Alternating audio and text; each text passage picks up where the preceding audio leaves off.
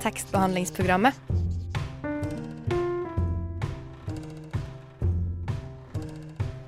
Tekstbehandling på radio.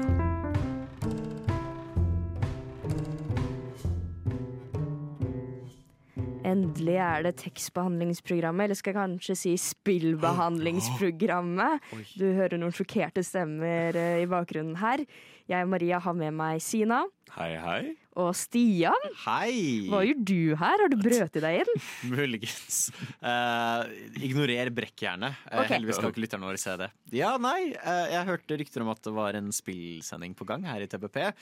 Uh, og da tenkte jeg til å dra fram kubeina og komme meg inn i studio. ja. Vi skal, sånn som Stian sier med kubeina, snakke om spill. Vi skal snakke om fortellinger i spill, narrativ i spill. Hvordan blir historier fortalt gjennom spill? Og da må vi jo ha Stian som radiofaglig sjef og spillekspert på huset Takk. med oss på denne reisen. Så det er bare å glede seg. Jeg vil skåle for Friedrich Nietzsche. Skål! Godgutten. Tekstbehandlingsprogrammet for deg som liker Nietzsche Som forresten bare, bare drakk melk. eller melk. Vi skal jo snakke om gaming i dag, gutta. Å nei. Jeg står i det. Gutt. OK. Og så trakk jeg meg like fort tilbake.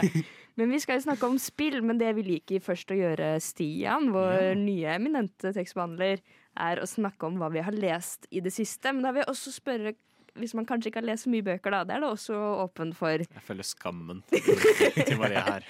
Du har lov til å ikke Hvis man lese. kanskje kan lese mye bøker, da, Stian. Stian, eh, Ja. hva har du lest slash spilt i det siste? Oi! Jeg åpner opp, vet du. Jeg er så inkluderende. Ja. Er det lov å da gå for begge deler? Kjør på, det, det er det jeg gjerne vil. Uh, ja. Uh, I litt uh, preparation for dette. Jeg satte meg ned og begynte å lese litt gjennom Bioshock-boka en gang til. Det fins en bok, Ja, det fins en bok. for dette er jo det spillet du skal snakke om senere i dag. Stemmer. Litt foreshadowing. Eh, og da, litt kort tid etterpå ble det gitt ut en bok kalt jeg tror den bare heter Bioshock Rapture av John Shirley. Den suger. Jeg var sånn, Kanskje den ikke er så dårlig som jeg husker. Men den er vanvittig dårlig. Den Ja. er fascinerende og dårlig. Så gøy. Eh, og jeg tenker Hvis du er interessert i hvordan du skriver karakterer, er egentlig dette en fin bok å lese for å lære hvordan du ikke gjør det. Ah, jeg tror Mitt favoritteksempel på dette er at i Bioshock-universet fins en conman som heter Frank Fontaine. Som du hører mye om. Han uh, Stor rolle i eh, mye dritt. Eh, og det er en bit eh, på denne boka, da, før denne byen under vann ble bygd, eh, som handler da om Frank Fontaine, og hvordan han het, heter egentlig ikke Frank Fontaine. Han heter sånn Johnny eller et eller annet piss. Kjedelig Eh, navn. Og han møtte på en fisker som het Frank Fontaine, og så drepte han fiskeren. Og så kalte han seg selv Frank Fontaine. Og en, sluttresultatet er nøyaktig det samme. Og du bare sitter Hvorfor er dette et kapittel? Ja, så når man er ferdig med boka, sitter man og tenker Hvorfor er dette en bok? Eh, full av feilinformasjon. Jeg tror de bare leste, leste synopsen på baksida av spillet. Og var sånn OK, jeg er klar for å lage en bok. Eh, egentlig veldig fascinerende at den ble offisielt gitt ut. Så du har hate-lest eh, i det siste. lest Noe skikkelig. Det er også veldig gøy å gjøre. det gjøre. er jo litt tillatt da, å ha litt noe man kan vite. Bare utforske selv, prøve seg litt. Skrive noe, lese noe. Se hvordan det går. Er ikke det fint? Ja. Har du lest noe eller spilt noe i det siste, Sina? Uh, jeg har jo så klart gjort begge, begge to, da. Um, uh, vil kanskje begynne med, med boken. Har, Boken, ja. Boken, boken. Jeg har eh, lest nå i det siste. Det var jo eh, for så vidt egentlig Max Porter-sendingen, men den, den får du jo høre på eh, der du leser og høres hører podkast. Yeah. Uh, men jeg har faktisk lest en liten russisk, en russisk gammeldags science fiction-bok. Og det er veldig spennende, fordi denne boken er jo også adaptert til et spill. Uh, boken heter så mye som uh, um, Roadside Picnic, tror jeg den heter. Å ja. Jeg trodde jeg visste hvilket spill det var. Det kan hende. Hvilket spill var det du tenkt på? Metro? Nei, ikke Nei. Metro. Det er Stalker-spillene. Oh, ja, ja, Som er veldig samme gate. Det er sånne der, eh, russiske dystopier hvor det er Hva eh, kjennetegner rus russisk dystopi? mye borst. Borst, er det sånn man sier det? Ja. Bart, sier man. Bort. Ja. Mye bort, ja. Bart. Ja. Og sigaretter Mm. og mye sprit. Wow. Nei, Det er jo Stian Teinan en bart men jeg mistenker at det ikke er bart det går i. tror, jeg tror ikke det er det. nei, dessverre. Men uh, det er veldig spennende, fordi det, er dette, denne, det handler jo om liksom uh, en sånn science fiction-verden hvor romvesener kom til jorda. De var her, og så bare gikk de videre. Uh, og så forlot de da denne sonen, hvor man kan gå og utforske og finne mystiske gjenstander, og vi følger disse, denne stalkeren, som de da heter, denne karakteren som går inn i sonen for å hente ut gjenstander. Og boken er jo veldig, veldig psykologisk, da, gå inn i hodet på denne karakteren og Ja. uh, opplever rusen og problemene og psyken til en person som setter livet sitt i fare hver dag. Uh, og så er det spennende hvordan det er blitt et spilladaptasjon ut av det. Ja. Uh, så mye mer handler om skrekken ved det. Som er en veldig spennende takning på det, syns jeg. Har du spilt spillet også? Jeg har dessverre ikke spilt spillet, men jeg gleder meg veldig til eh, Stalker 2, som kommer ut veldig snart. Uh, som er veldig, veldig oppe der, framtidig spill. Så det har du planer om å spille, da? Veldig, veldig. Kan også legge til at de romvesenene er veldig mood, som bare kommer hit og er sånn Fuck det her. Fuck det. Wow. Hva med deg, Marie? Jeg har lest Max Porter, selvfølgelig, som Sina nevnte så bra her. Mhm. Jeg driver også og leser nå til neste ukes sending, hvor Tayeb eh, skal eh, gi oss litt eh, leksjoner i tidligere nobelprisvinnere. Oi! For du skal ikke tro at Tayeb vil lage en sending om Jon Fosse. Nei. Nei, for guds skyld ikke. Vi skal ta tidligere. Så jeg leser litt Alice Monroe. Ja. Som jeg leste tidligere i min karriere som litteraturstudent. Så det er veldig spennende å vende tilbake til. Og jeg er jo nybakt gamer. yeah! Wow, let's go! Vi fiksa henne! Så jeg har spilt blant annet et spill jeg skal snakke om i dag, som heter Fall of Porcupine. Det ble jeg ferdig med i går. Hey. Spilt um, Kommet tilbake til Minecraft, og også begynt på Mm. Gibbon Fall of the Trees, tror jeg den heter. Oi. Beyond the Trees, Gibbon Beyond the Trees. Den er It's very, very beautiful. Yes. Så jeg jeg har på følelsen jeg, gutta, vi kommer til å ha veldig mye å snakke om i dag. Absolutt. Tripp, trapp, tripp, trapp. Hvem er det som tramper på min bru? Det er bare tekstbehandlingsprogrammet. Det er bare tekstbehandlingsprogrammet, eller sp- spillbehandlingsprogrammet, eller hva du vil kalle oss i dag. For Stian, Ja. vi skal jo snakke om gaming, vi skal snakke om spill. Oi. Men eh, nå må jeg spørre fra et tekstbehandlerperspektiv. Hva har dette med tekstbehandlingsprogrammet å gjøre? Hva er det du egentlig gjør her? Hvorfor er du i studio i dag, Stian? Kom deg ut! Uh, nei, uh, jeg tror mange på en måte glemmer litt hvor, uh, av de som ikke spiller spill, da. Hvor mye historiefortelling man finner i videospill. Mm. Um, mange tenker kanskje det bare er Call of Duty, uh, hvor man bare flyr rundt og skyter. Let's be honest. Men det er veldig mange spill som aktivt har ganske mye historiefortelling. Mange av disse spillene er kjempelange. Uh, vi, snakker, vi kan snakke opp til 200 timer, med da tonnevis av manusforfatting og gjerne da tekst. Noen spill har til og med bøker i seg. Eh, jeg viste jo deg før vi gikk på lufta, Maria, Skyrim, Ja! eh, som har Så jeg- faktiske bøker. Jeg har jo hørt om Skyrim før, men dette var første gang jeg liksom virkelig fikk se det. Ja, og der var det, det var bøker med side med tekst. Ja. wow. Så du kan Ja, ja men Sina, unnskyld meg, men jeg visste ikke dette her. Altså at du kan lese en bok, sånn som Sina også poengterte ut eh, da i stad. Perfekte tekstbehandlerspillet. Altså, Mm 100 Fins det noe bedre enn å kunne lese når du egentlig skal game? Nei, det, det, du sier noe der. Er Jeg har jo også spilt mye i det siste Persona 5 Taktika. Mhm. Eh, og der er det noe stemmeskuespill, men mye av historien formidles også via tekstbokser, som er veldig kjent for folk som spiller spill. Mm. Som er noe man begynte med i gamle dager, når du hadde sånn fire forskjellige blip og blop, og det var umulig å lage stemmer ut av det. Ok, Hvordan presenterer vi da en historie? Jo, via tekst. Så du får en liten boks nederst på skjermen som er liksom snakkebobler. Og Ja. folk som prater. Er Pokémon-type. akkurat Ja. som Pokémon. Og da litt- også har du mye tekst å lese. Så det er litt som en liten bok inni spillet ditt, da. Egentlig. Men det fins jo andre måter å fortelle historier også på gjennom gaming. Du, jeg, eh, Stian han inviterte til et lite LAN eh, hos seg til forbered, forbered, forberedelse til denne sendinga. Forberedelse til denne sendinga. Og da var, fikk jo jeg i hvert fall spille Bioshock, som du skal snakke om i dag. Ja, stemmer. Mm. Eh, og der bruker de jo eh, Hva er det de bruker der? De bruker båndopptakere til å fortelle historier. Ja, stemmer veldig. Eh, som jeg tenkte kanskje jeg skulle dykke litt enda dypere inn Ja, i når vi skal prate om Bioshock. Og så er det også da environmental storytelling. Er jo også noe spill kan bruke som egentlig få annet medie kan. Sant. Eh, hvor man da kan bruke området du er i, til å fortelle, fortelle en historie. For i en film så må karakterene må komme seg av gårde. Mm. Eh, det har litt sånn environmental historiefortelling. Godt eksempel kan eksempel være eh, Rivendell i Ringenes herre. Ja. Når de går rundt der, og du har liksom dette svære maleriet og statuen som holder liksom Narsil eh, sine ødelagte biter. Det er på en måte en environmental historiefortelling, hvor eh, historien blir fortalt av selve miljøet rundt, ikke ut av eh, hva noen sier. Men spill kan jo la deg utforske for eksempel Rivendel Rivendell fritt, og du kan se på ting og tenke på det så lenge som overhodet mulig. Du bestemmer plutselig litt pacingen. Og det er også en ganske interessant måte man kan, bru man kan ta i bruk for å fortelle en historie. Ikke sant? Fordi i alle andre medier så er det jo et sånn constraint med tid eller dramaturgi eller oppbygning som gjør at du må fokusere på kun relevante, men her ved spillene så har du jo har du jo all verdens tid til å bare ta deg en liten strandepisode hvis du ønsker det. Men dette vil jo da også um, bety det at spilleren har kontroll over hva de får med seg av historien. Ja. Så eh, når du leser en bok, det er, det er planlagt av forfatteren, på en måte. Det er side etter side.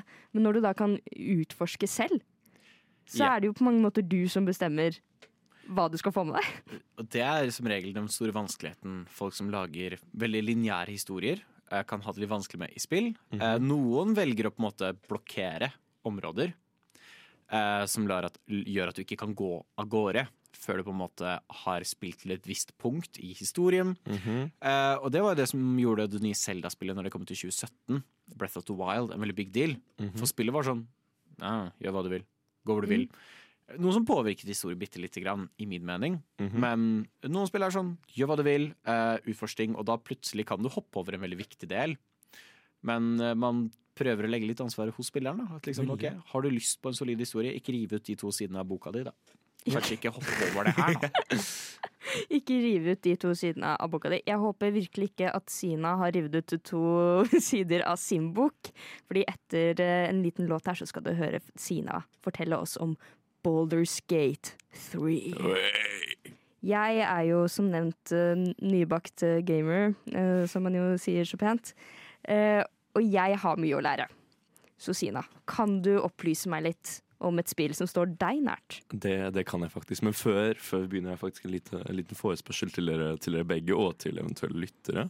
Hvis vi har dem. Eh, hvis, hvis, hvis de er der ute. Eventuelle. Jeg vil at du skal, skal lukke øynene litt. Ok, Okay. Hvis, hvis dere er så komfortable. det kan vi gjøre. jeg er spent. Bare, litt, bare litt. Uh, lukk øynene og bli med. Jeg vil at dere skal se for dere en skog. Oi. Stor, grønn og varm. Mm. Hører lyden trær? Det er opp til deg. Hører lyden av fugler, gress under føttene. Glem den kalde høsten. Du er her, i skogen. Kommer fram til en liten lysning, og i den lysningen er det et lite, liten hytte eller et hus. Du vet ikke helt, men du tror du kanskje kjenner eieren. Kanskje du har vært der før. Du går inn, og du ser, du lukter den beste lukten av ditt liv. Fra barndommen din. Du kjenner den igjen så godt. Kjenn den inn i alle porene i nesa di. Gå opp på eta etasje, til loftet. Famle litt rundt i mørket til du finner en liten boks bakerst. I denne boksen ligger det en liten blå gjenstand. Ikke noe mindre enn hånden din. Du plukker den opp og føler på den. Du lukter på den. Du tar på den. Du ser på den, og du kjenner den igjen. Så går du ut av huset. Så kan du åpne øynene. Så det var en liten sånn Det var en liten meditasjonsgreie, egentlig, egentlig litt lengre. Uh, men uh, det jeg vil spørre om, da er, hva er det, hvilken ting var det dere fant i denne, i denne boksen? Jeg, jeg så for meg en fugl. En liten blå fugl. Stian? Ja. Ok, um, kan, kan jeg forklare? Nå må du dele. Ja, du kan det godt. Ok, jeg, var på, jeg har vært på Spillekspo i helga, og der fant jeg min blå ting fra barndommen. Eh, og de solgte en blå pose med Og dette er veldig bisart, men jeg husker dette veldig godt. For jeg hadde en sånn tøypose da jeg var liten, full av Pokémon pokerchips. Som var en sånn ting eh, som de solgte i sånn ett år i 2006. Og de solgte det på Spillekspo. Og jeg kjøpte det opp. Eh, og det var sånn skikkelig nostalgisk følelse å åpne det og liksom ta ut de pokerchipsene. For jeg aner ikke hvor den posen ble. Den forsvant. Eh, og plutselig satt jeg og holdt i hånda mi noe jeg husket jeg hadde veldig kjært. Eh, for liksom, ja, hvem vet, nesten 20 år siden, liksom. Og sånn, wow. Uh, og det var veldig rart. Det var veldig spesielt for meg å få den opplevelsen en gang til. Uh, så av en eller annen grunn så var det første når vi begynte å snakke om blå ting. Mm. Ja, jeg så så så, jeg for meg det. Jeg så for meg en bitte liten sånn trefigur som skulle ligne en fugl. Som liksom lå sånn i hånda mi, og liksom, Ja, som, jeg, som jeg petta på. Men uh, hva har dette med Det er, et veldig, det er et veldig godt spørsmål, Maria. Men uh, det, grunnen til at jeg tar oss med på den reisen nå, er akkurat fordi det vekker noe. I hvert fall i Stian, som vi hørte. Og kanskje, jeg vet ikke med Mm. Jeg liker fugler. Du liker fugler, uh, som vi alle gjør utafor Oslo. Og jeg tror akkurat den fantasien, akkurat den friheten til å forme reisen, som vi så snakka om før, eh, før sangen, det er noe av det, det aller beste med spill, den interaktiviteten. Eh, Og det er akkurat det som jeg syns Baldur's Gate 3 bringer så fantastisk bra til bordet for oss spillere. I Baldur's Gate 3 så spiller man som en gruppe med eventyrere som skal gå ut på ferd. Eh, det begynner veldig veldig tullete og litt gøy, litt sånn vimsete. Man går og man, man utforsker skogen, og man finner noen nisser og hussetutter. Og, og, så, og så dreper man noen folk, da, men det er jo Ja, ja, alt som er i spill. Uh, Litt svinn, det må man gjøre. ja, men så etter hvert så utvikler en reise seg når man blir kjent med karakterene. Uh, og som alle spill så blir det mer alvorlig og seriøst, da så man innser alvoret av en, en kult man har støtt på, og noen mystiske romvesenparasitter man har i hjernen sin. Og, ja, alt sammen begynner å rakne etter hvert, da. men akkurat det som gjør det så holdbart, tror jeg, er at det er du som spiller som bestemmer uh, hvilken side du tar i konfliktene. Hvilken folk du tar med deg på eventyrene, hvem du blir venner med, hvem du forelsker deg med. eh, og så mye mer, fordi det er disse, disse fantastiske skrevne da, dere, performancene av eh, karakterene, companionsa dine, fortelleren som også er med, og alle sammen som bare bringer det hele til en sånn fantastisk, episk, sånn Ringenes herre-aktig Ja. historie. Så litt sånn liksom Ringens brorskap, på en måte. Veldig bare med mer sex og bjørner. Eh, Selvfølgelig. ja. Har jeg sett feil versjon av Ringens herre? Skjønner jeg nå. Ja, Var det ikke det i din versjon? Du hadde en eh, litt extended extended version, Stian. Er det ikke det alle de x-ene står for? Men du, Um, men du sa at fortelleren var med, var det det du sa? Ja, fordi nå er jeg med på en metaforisk vis, men denne fortelleren, da, Emilie Tyler som hun heter, har gjort en helt fantastisk jobb, blitt nominert til en del priser for, eh, for dette, og har spilt inn, og jeg tror igjen mener at det er denne fortelleren som bringer hele spillet sammen, på grunn av at Baldur's Gate 3 er basert på D&D, Ja, det, jeg skulle til å spørre om det var det. veldig Dungeons and Dragons, for de av oss som vet, er et spill basert på venner som går på eventyr, og er da styrt av en slags grottemester. på norsk, som det så fint heter. Har det blitt oversatt til grottemester? Altså Det heter egentlig Dungeon Master.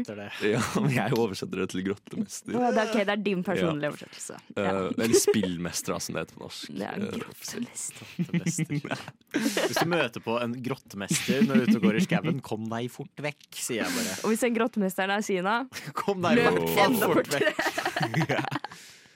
Men denne vennskapen man har i D&D, disse, disse tullete øyeblikkene da, som, som Stian viste for meg når vi var hos han, som han hadde tatt opp så fint på sin PlayStation, det er disse som er liksom i kjernen av D&D, og de kommer så fint fram, både med fortelleren og med all, all tullballet man kan finne på etter spillet.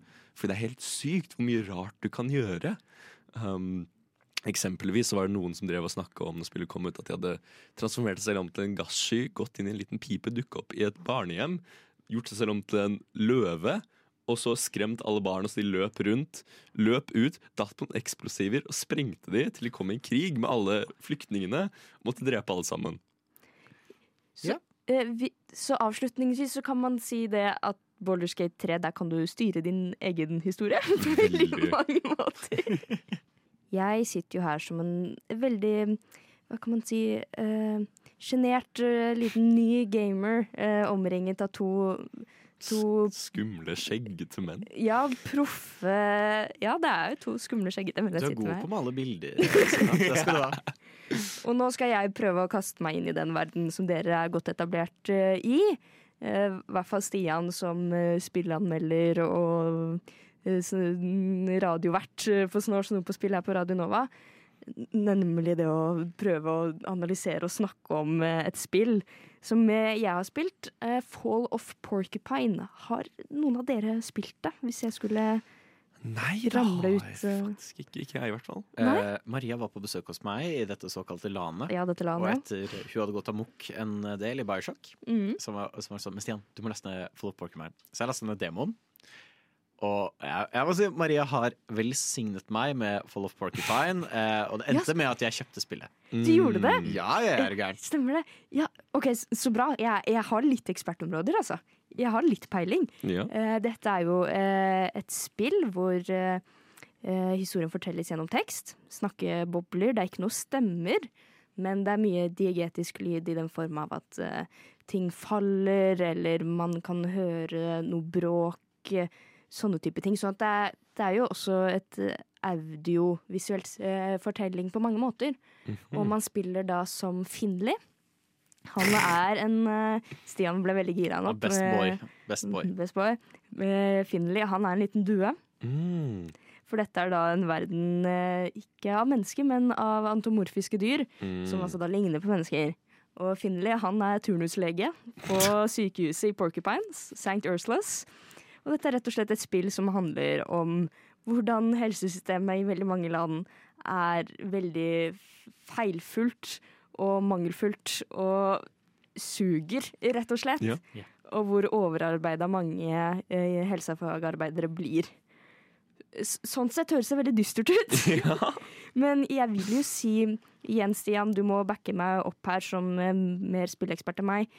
Eh, det er jo ikke så dystert. Jeg, jeg syns det er veldig varmt og koselig spill. Jeg tror, eh, For meg så er det et spill som briljerer på samme måte som Life is Strange og Night in the Woods. For de som har spilt det, eh, treffer veldig bra. Hvor det tar opp veldig tøffe temaer. Og veldig, legger seg veldig sårbart. Men eh, prøver ikke å være sånn dystopisk heller. Og har denne veldig varme, gode høstfølelsen. Det er veldig veldig fine farger. Mm. du har denne veldig nydelige, rolige musikken som går i bakgrunnen. Mm. Som gjør at du blir fort veldig glad i karakteren, du blir veldig glad i spillet. Og du har lyst til å se gjennom alt.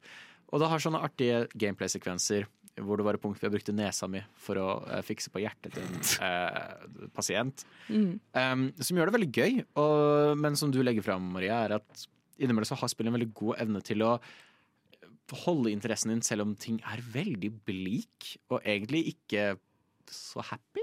Mm. Mm, skjønner. Og så har du jo muligheten til å ta litt egne valg også.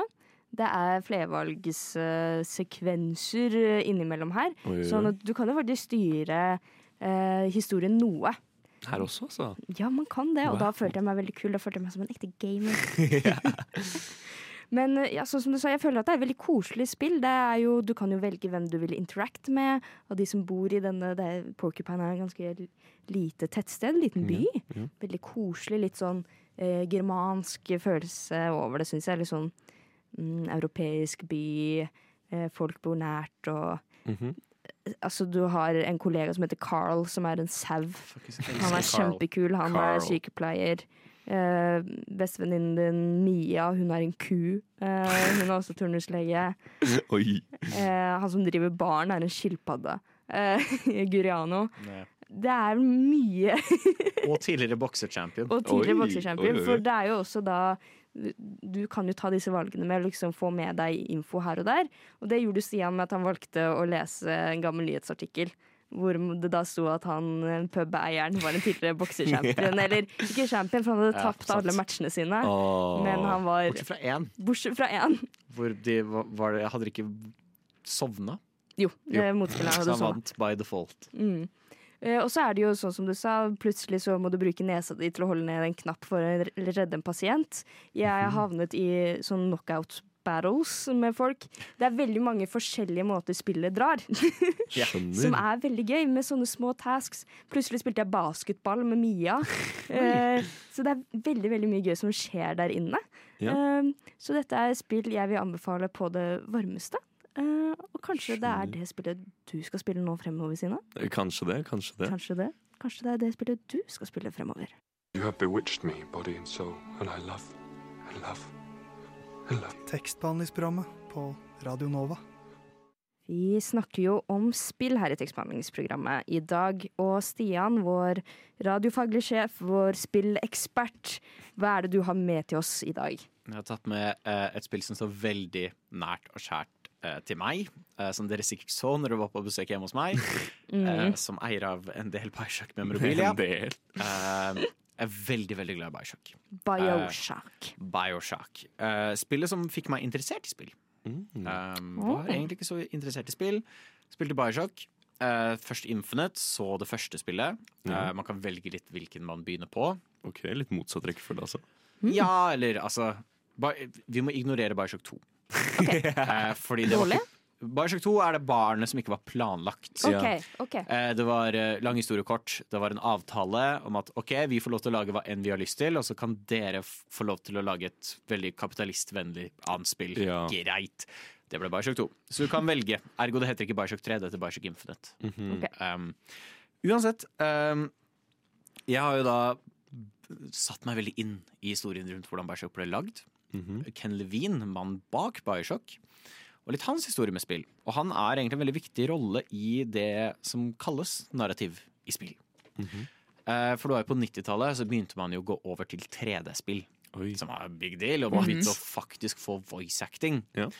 Og eh, hvis du vil ha god underholdning, så søker du opp tidlig voice acting i spill. For de hadde ikke budsjett til voice actors. Eh, så det var som regel teamet selv som lagde spillet, som gikk inn i boden og spilte inn ting. Eh, og her var Ken Levine ganske på en måte viktig, for han eh, lagde et spill som heter System Shock 2. Mm. Og det var et spill som begynte å introdusere det som du nevnte tidligere i sendinga, Maria. Nemlig tekst, eller audio logs, mm. Som var en veldig big deal, fordi eh, det var så, kun så og så mye på en måte du kunne ha personer som prater. At du prater med en person, før det blei litt kjedelig. Ja. Du har lyst til å ikke bli låst fast i det som kalles en cutscene. Bare stå der, liksom. Ja, så hvordan kan du fortelle en historie om en karakter som er død? For eksempel, hvis du møter på en karakter som ligger på bakken død, hvordan kan du fortelle hennes historie? Ja. Jo, hva om hun hadde en liten dagbok? Men du har ikke lyst til å stoppe opp heller og begynne å sitte og le Ok, feil å si tekstbehandlingsprogrammet, men du har ikke lyst til, å stoppe opp Jeg midt lyst til å i opp og lese. spillet og begynne å lese en hel bok. Nei, det, nei, det Nei, nei, vi hater jo å lese på tekstbehandlingsprogrammet. Hva med en lyddagbok? Uh. Og da begynte en veldig vanlig trend, som nå er nesten blitt klisjé i spill. Nemlig disse audio diariesene. Mm. Eh, som da videreføres inn i Bioshock, og Bioshock var en veldig big deal når det kom ut. Det tok Mhm. opp ganske store filosofiske temaer. Veldig Mhm. sterkt eh, basert på Ayn Rand, Mhm. og spesielt Atlas Shrugged. Eh, som ikke er at boka, eller spillet støtter Kanskje litt mer eh, kritisk til det. men mer tar opp kritisk. Og lar deg tenke som spiller. Du blir dratt inn i verden til Rapture, denne byen under vann, basert på en ganske sterk ideologi. A man chooses, a slave obeys. Mm. Um, og rett og slett um, Alt bærer på individet selv.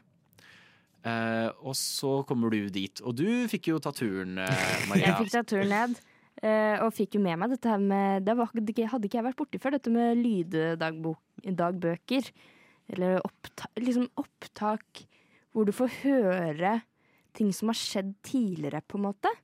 Sånn litt som tidligere handling som har blitt frosset i tid, og så får du, mens du utforsker der du er, med deg disse. Mm. Og, og kan liksom høre på tidligere handling, bakgrunn til historien, da. Mens du utforsker videre. Eh, og jeg er jo veldig pinglete, typisk person som har ikke så veldig mye innsikt inn i spillverdenen ennå, i hvert fall.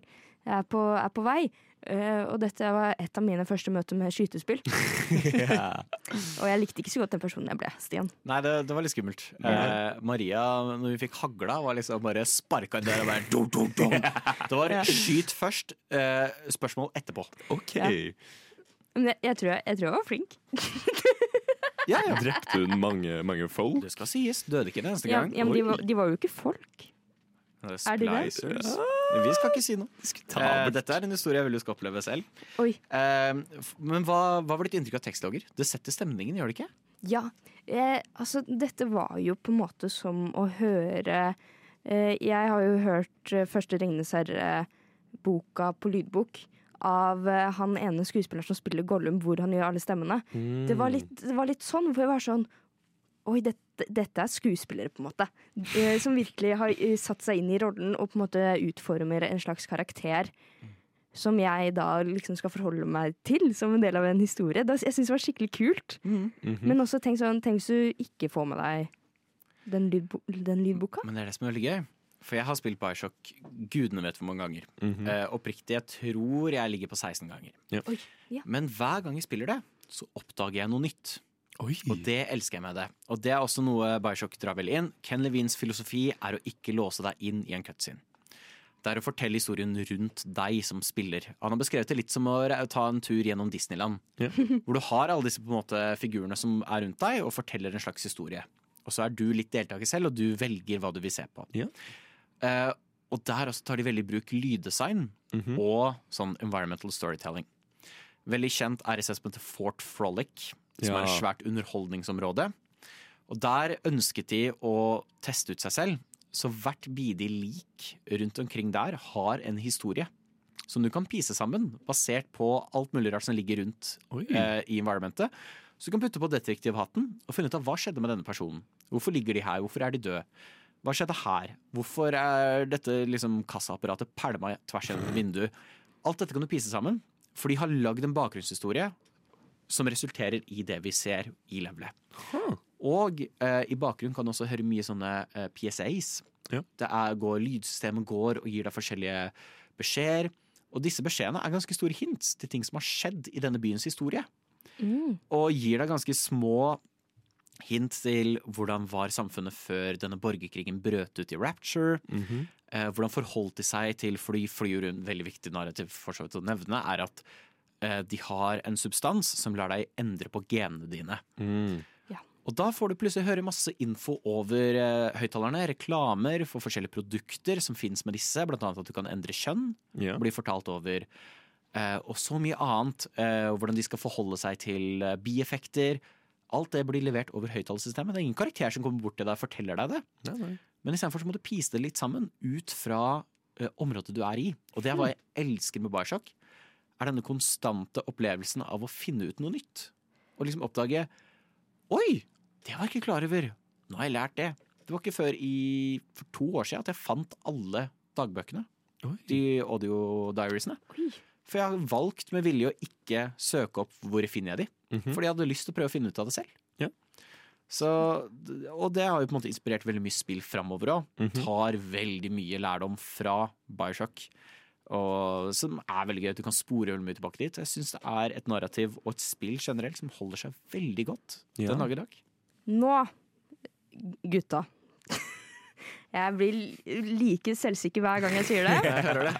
Jeg blir mindre selvsikker hver gang du sier det. Ja, det. skjønner jeg også. Jeg vil veldig gjerne at vi nå Nå har vi snakket om spillet her en god stund. Nå vil jeg at vi skal gå inn i rollene som spillutviklere Oi. og velge ut bøker, eh, film, et eller annet narrativ som vi vil at skal bli et spill. Uh. Oi, du ble veldig gira, Stian. Ja, for jeg har en. Har okay, du en? Okay. Få høre. Eh, Jeg er veldig sucker for komediespill. Ja. Som er gjort særdeles sjeldent, blir det gjort. Sant. Pur komediespill. Bare fordi det er vanskelig å få til. Fordi, som du nevnte tidligere, Maria, Mm. eh, spilleren selv er jo ansvarlig for pacingen. Ja. Og komedie er veldig avhengig av pacing. ja. Jeg hadde elsket Hitchhiker's Guide to the Galaxy-spill. Oh. Se for deg å bare dra rundt i den verdenen hvor bare alt er så tøysete og tullete, og du kan gjøre valg som kanskje påvirker litt hva som skjer. Jeg føler eh, Jeg, jeg hadde gått for eh, Hitchhiker's Guide to the Galaxy. Men Stian, hva slags spill hadde det da vært? Oh, jeg tror det måtte vært en ganske historietung. eh, Ja. Kanskje litt lineært. Litt sånn Telltale-aktig. Litt sånn Ja, episode nesten. Tror litt sånn episodisk, eh, hvor du gjør valg og dialog eh, som påvirker hvor historien ender opp. Skjønner. Mm. Ja, Hva med deg da, Sina? Hva er det du skal eh, spille utvikle som spillutvikler? Jeg er en sucker for fantasy, Ja. og, og jeg savner, savner, savner virkelig eh, et sånn skikkelig bra sånn Ringenes herre eller Game of Thrones eller noe sånn av den Oh. sorten. Sånn storartet, episk. Eh, Det finnes jo utallige Ringenes Er ikke. Lego Ringenes herre nok for deg, Sina? Jeg vet, men jeg er en kravstor, kravstor mann. Skulle ønske man liksom virkelig kunne Altså Ikke at man ikke kan det i Lego Ringenes herre, men virkelig sånn utforske liksom verdenene, ta på seg Kanskje i Game Thrones man, man blir med i et hus, og man går opp rangen. Oh, ja. Og kanskje det er noe, det er noe sånn intriger og sånn man kan ta del i. Uh, men igjen, det fins jo utallige spill. De er bare av lavere kvalitet når det kommer til Ringenes herre og Game of Thrones. Ja, Jeg tror vi alle er ganske enige at sånn eh, Du var jo litt mer i sci-fi-verden kanskje, Stian. Med eh, det er jo selvfølgelig lov, men at eh, fantasy sci-fi det er liksom det som hadde vært kult Ja. å ta Ja. fra bok til spill. Så det fins jo knapt en sending av tekstbehandlingsprogrammet hvor jeg ikke nevner min favorittrilogi, som er His Dark Materials. Men jeg tror Mm. oppriktig at det hadde vært et dritkult som et spill. Men det ser jeg, for der har du jo disse eh, dyrene. Ja, eh, din sjel manifestert som et dyr. Der har Ja. du companions. Du har en companion! Yeah. Ja. Combat-system også, virker det som. Ja, faktisk. Du har arm, liksom mm, eh, Panserisbjørner.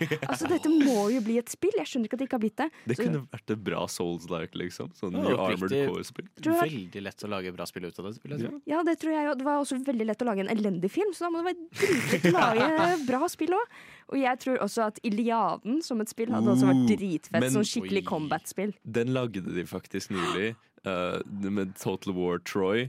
Um, det er satt i Troja-krigen, som også er Iliaden. Bare at det var et ganske elendig spill. da um, De gjør en dårlig jobb på å adaptere sånne store, episke historier. da Ja, for jeg snakker om her å være Å være Achilles Ja, Ja. ok, for det var liksom mer strategisk. Du, du er de greske styrkene, men ok, å være Achilles Ja, du skal En person, liksom. Du skal være en person i Ja. uh, den greske hæren. Det tror jeg hadde vært dritfett, tror du ikke det? Ja, ja, ja. Også sånn, ordentlig sånn dueller og Ja. ordentlig sånn, Det kunne vært veldig kult. Jeg er veldig down for det. Eller, eh, Mm. eller Odysseen. Ja, men Lite, lite skipsutflukt. det mangler sånne gode greske mytologiske spill, egentlig. Nærmest er jo sånn Assassin's Creed Odyssey. Odyssey. ja. oh, ja, så det, Vi det er på forhånd Ja, vi det. Wow, det var helt sjukt. Men jeg tror rett og slett at vi skal bli de nye spillutviklerne ja, i Ja. bransjen. Det Det er sikkert veldig lett. Tekstbehandlingsprogrammet. Tekstbehandling på radio. Vi har snakket om gaming og spill her i tekstbehandlingsprogrammet i dag, og jeg er redd at klokken snart er er elleve. Altså Bare én runde til! en runde til. Kan jeg få spille litt grann til, mamma? Vær så snill. Ikke skru av wifien! Det nå, online, jeg kan ikke sette på pause! nå er tida dessverre snart ute. Og jeg må spørre Stian, hvis man vil høre mer snakk om spill her på Radio Nova, hvor, hvor og når? Ja, eh, da kan man høre på Snålt, snop og spill. Ai, ai, ai, er, Vårt gamingprogram. Du finner det hvor enn du hører podkast, og vi går også hver oddetallsuke Oddetallsuke. på lørdager eh, fra 11 til 1. fra 11 til 1, altså. Men men hvis du vil høre mer om litteratur, Sina Da melder du deg inn på tekstbehandlingsprogrammet som ikke er på oddetallsuker, men også på partallsuker. Begge Eh, uker Dobbelt så mye på onsdager fra 10 til 11. her på Radio Nova. Du kan også høre oss som pod på Spotify. Eller alle steder du finner den. Hvor som helst. Som helst. Følg oss også på Instagram. Tekstbehandlingsprogrammet der, altså. Ja. Tusen takk for denne sendinga. Gusta. Tusen takk. Jeg skal, jeg skal bryte meg under studiet studio oftere. gjør det.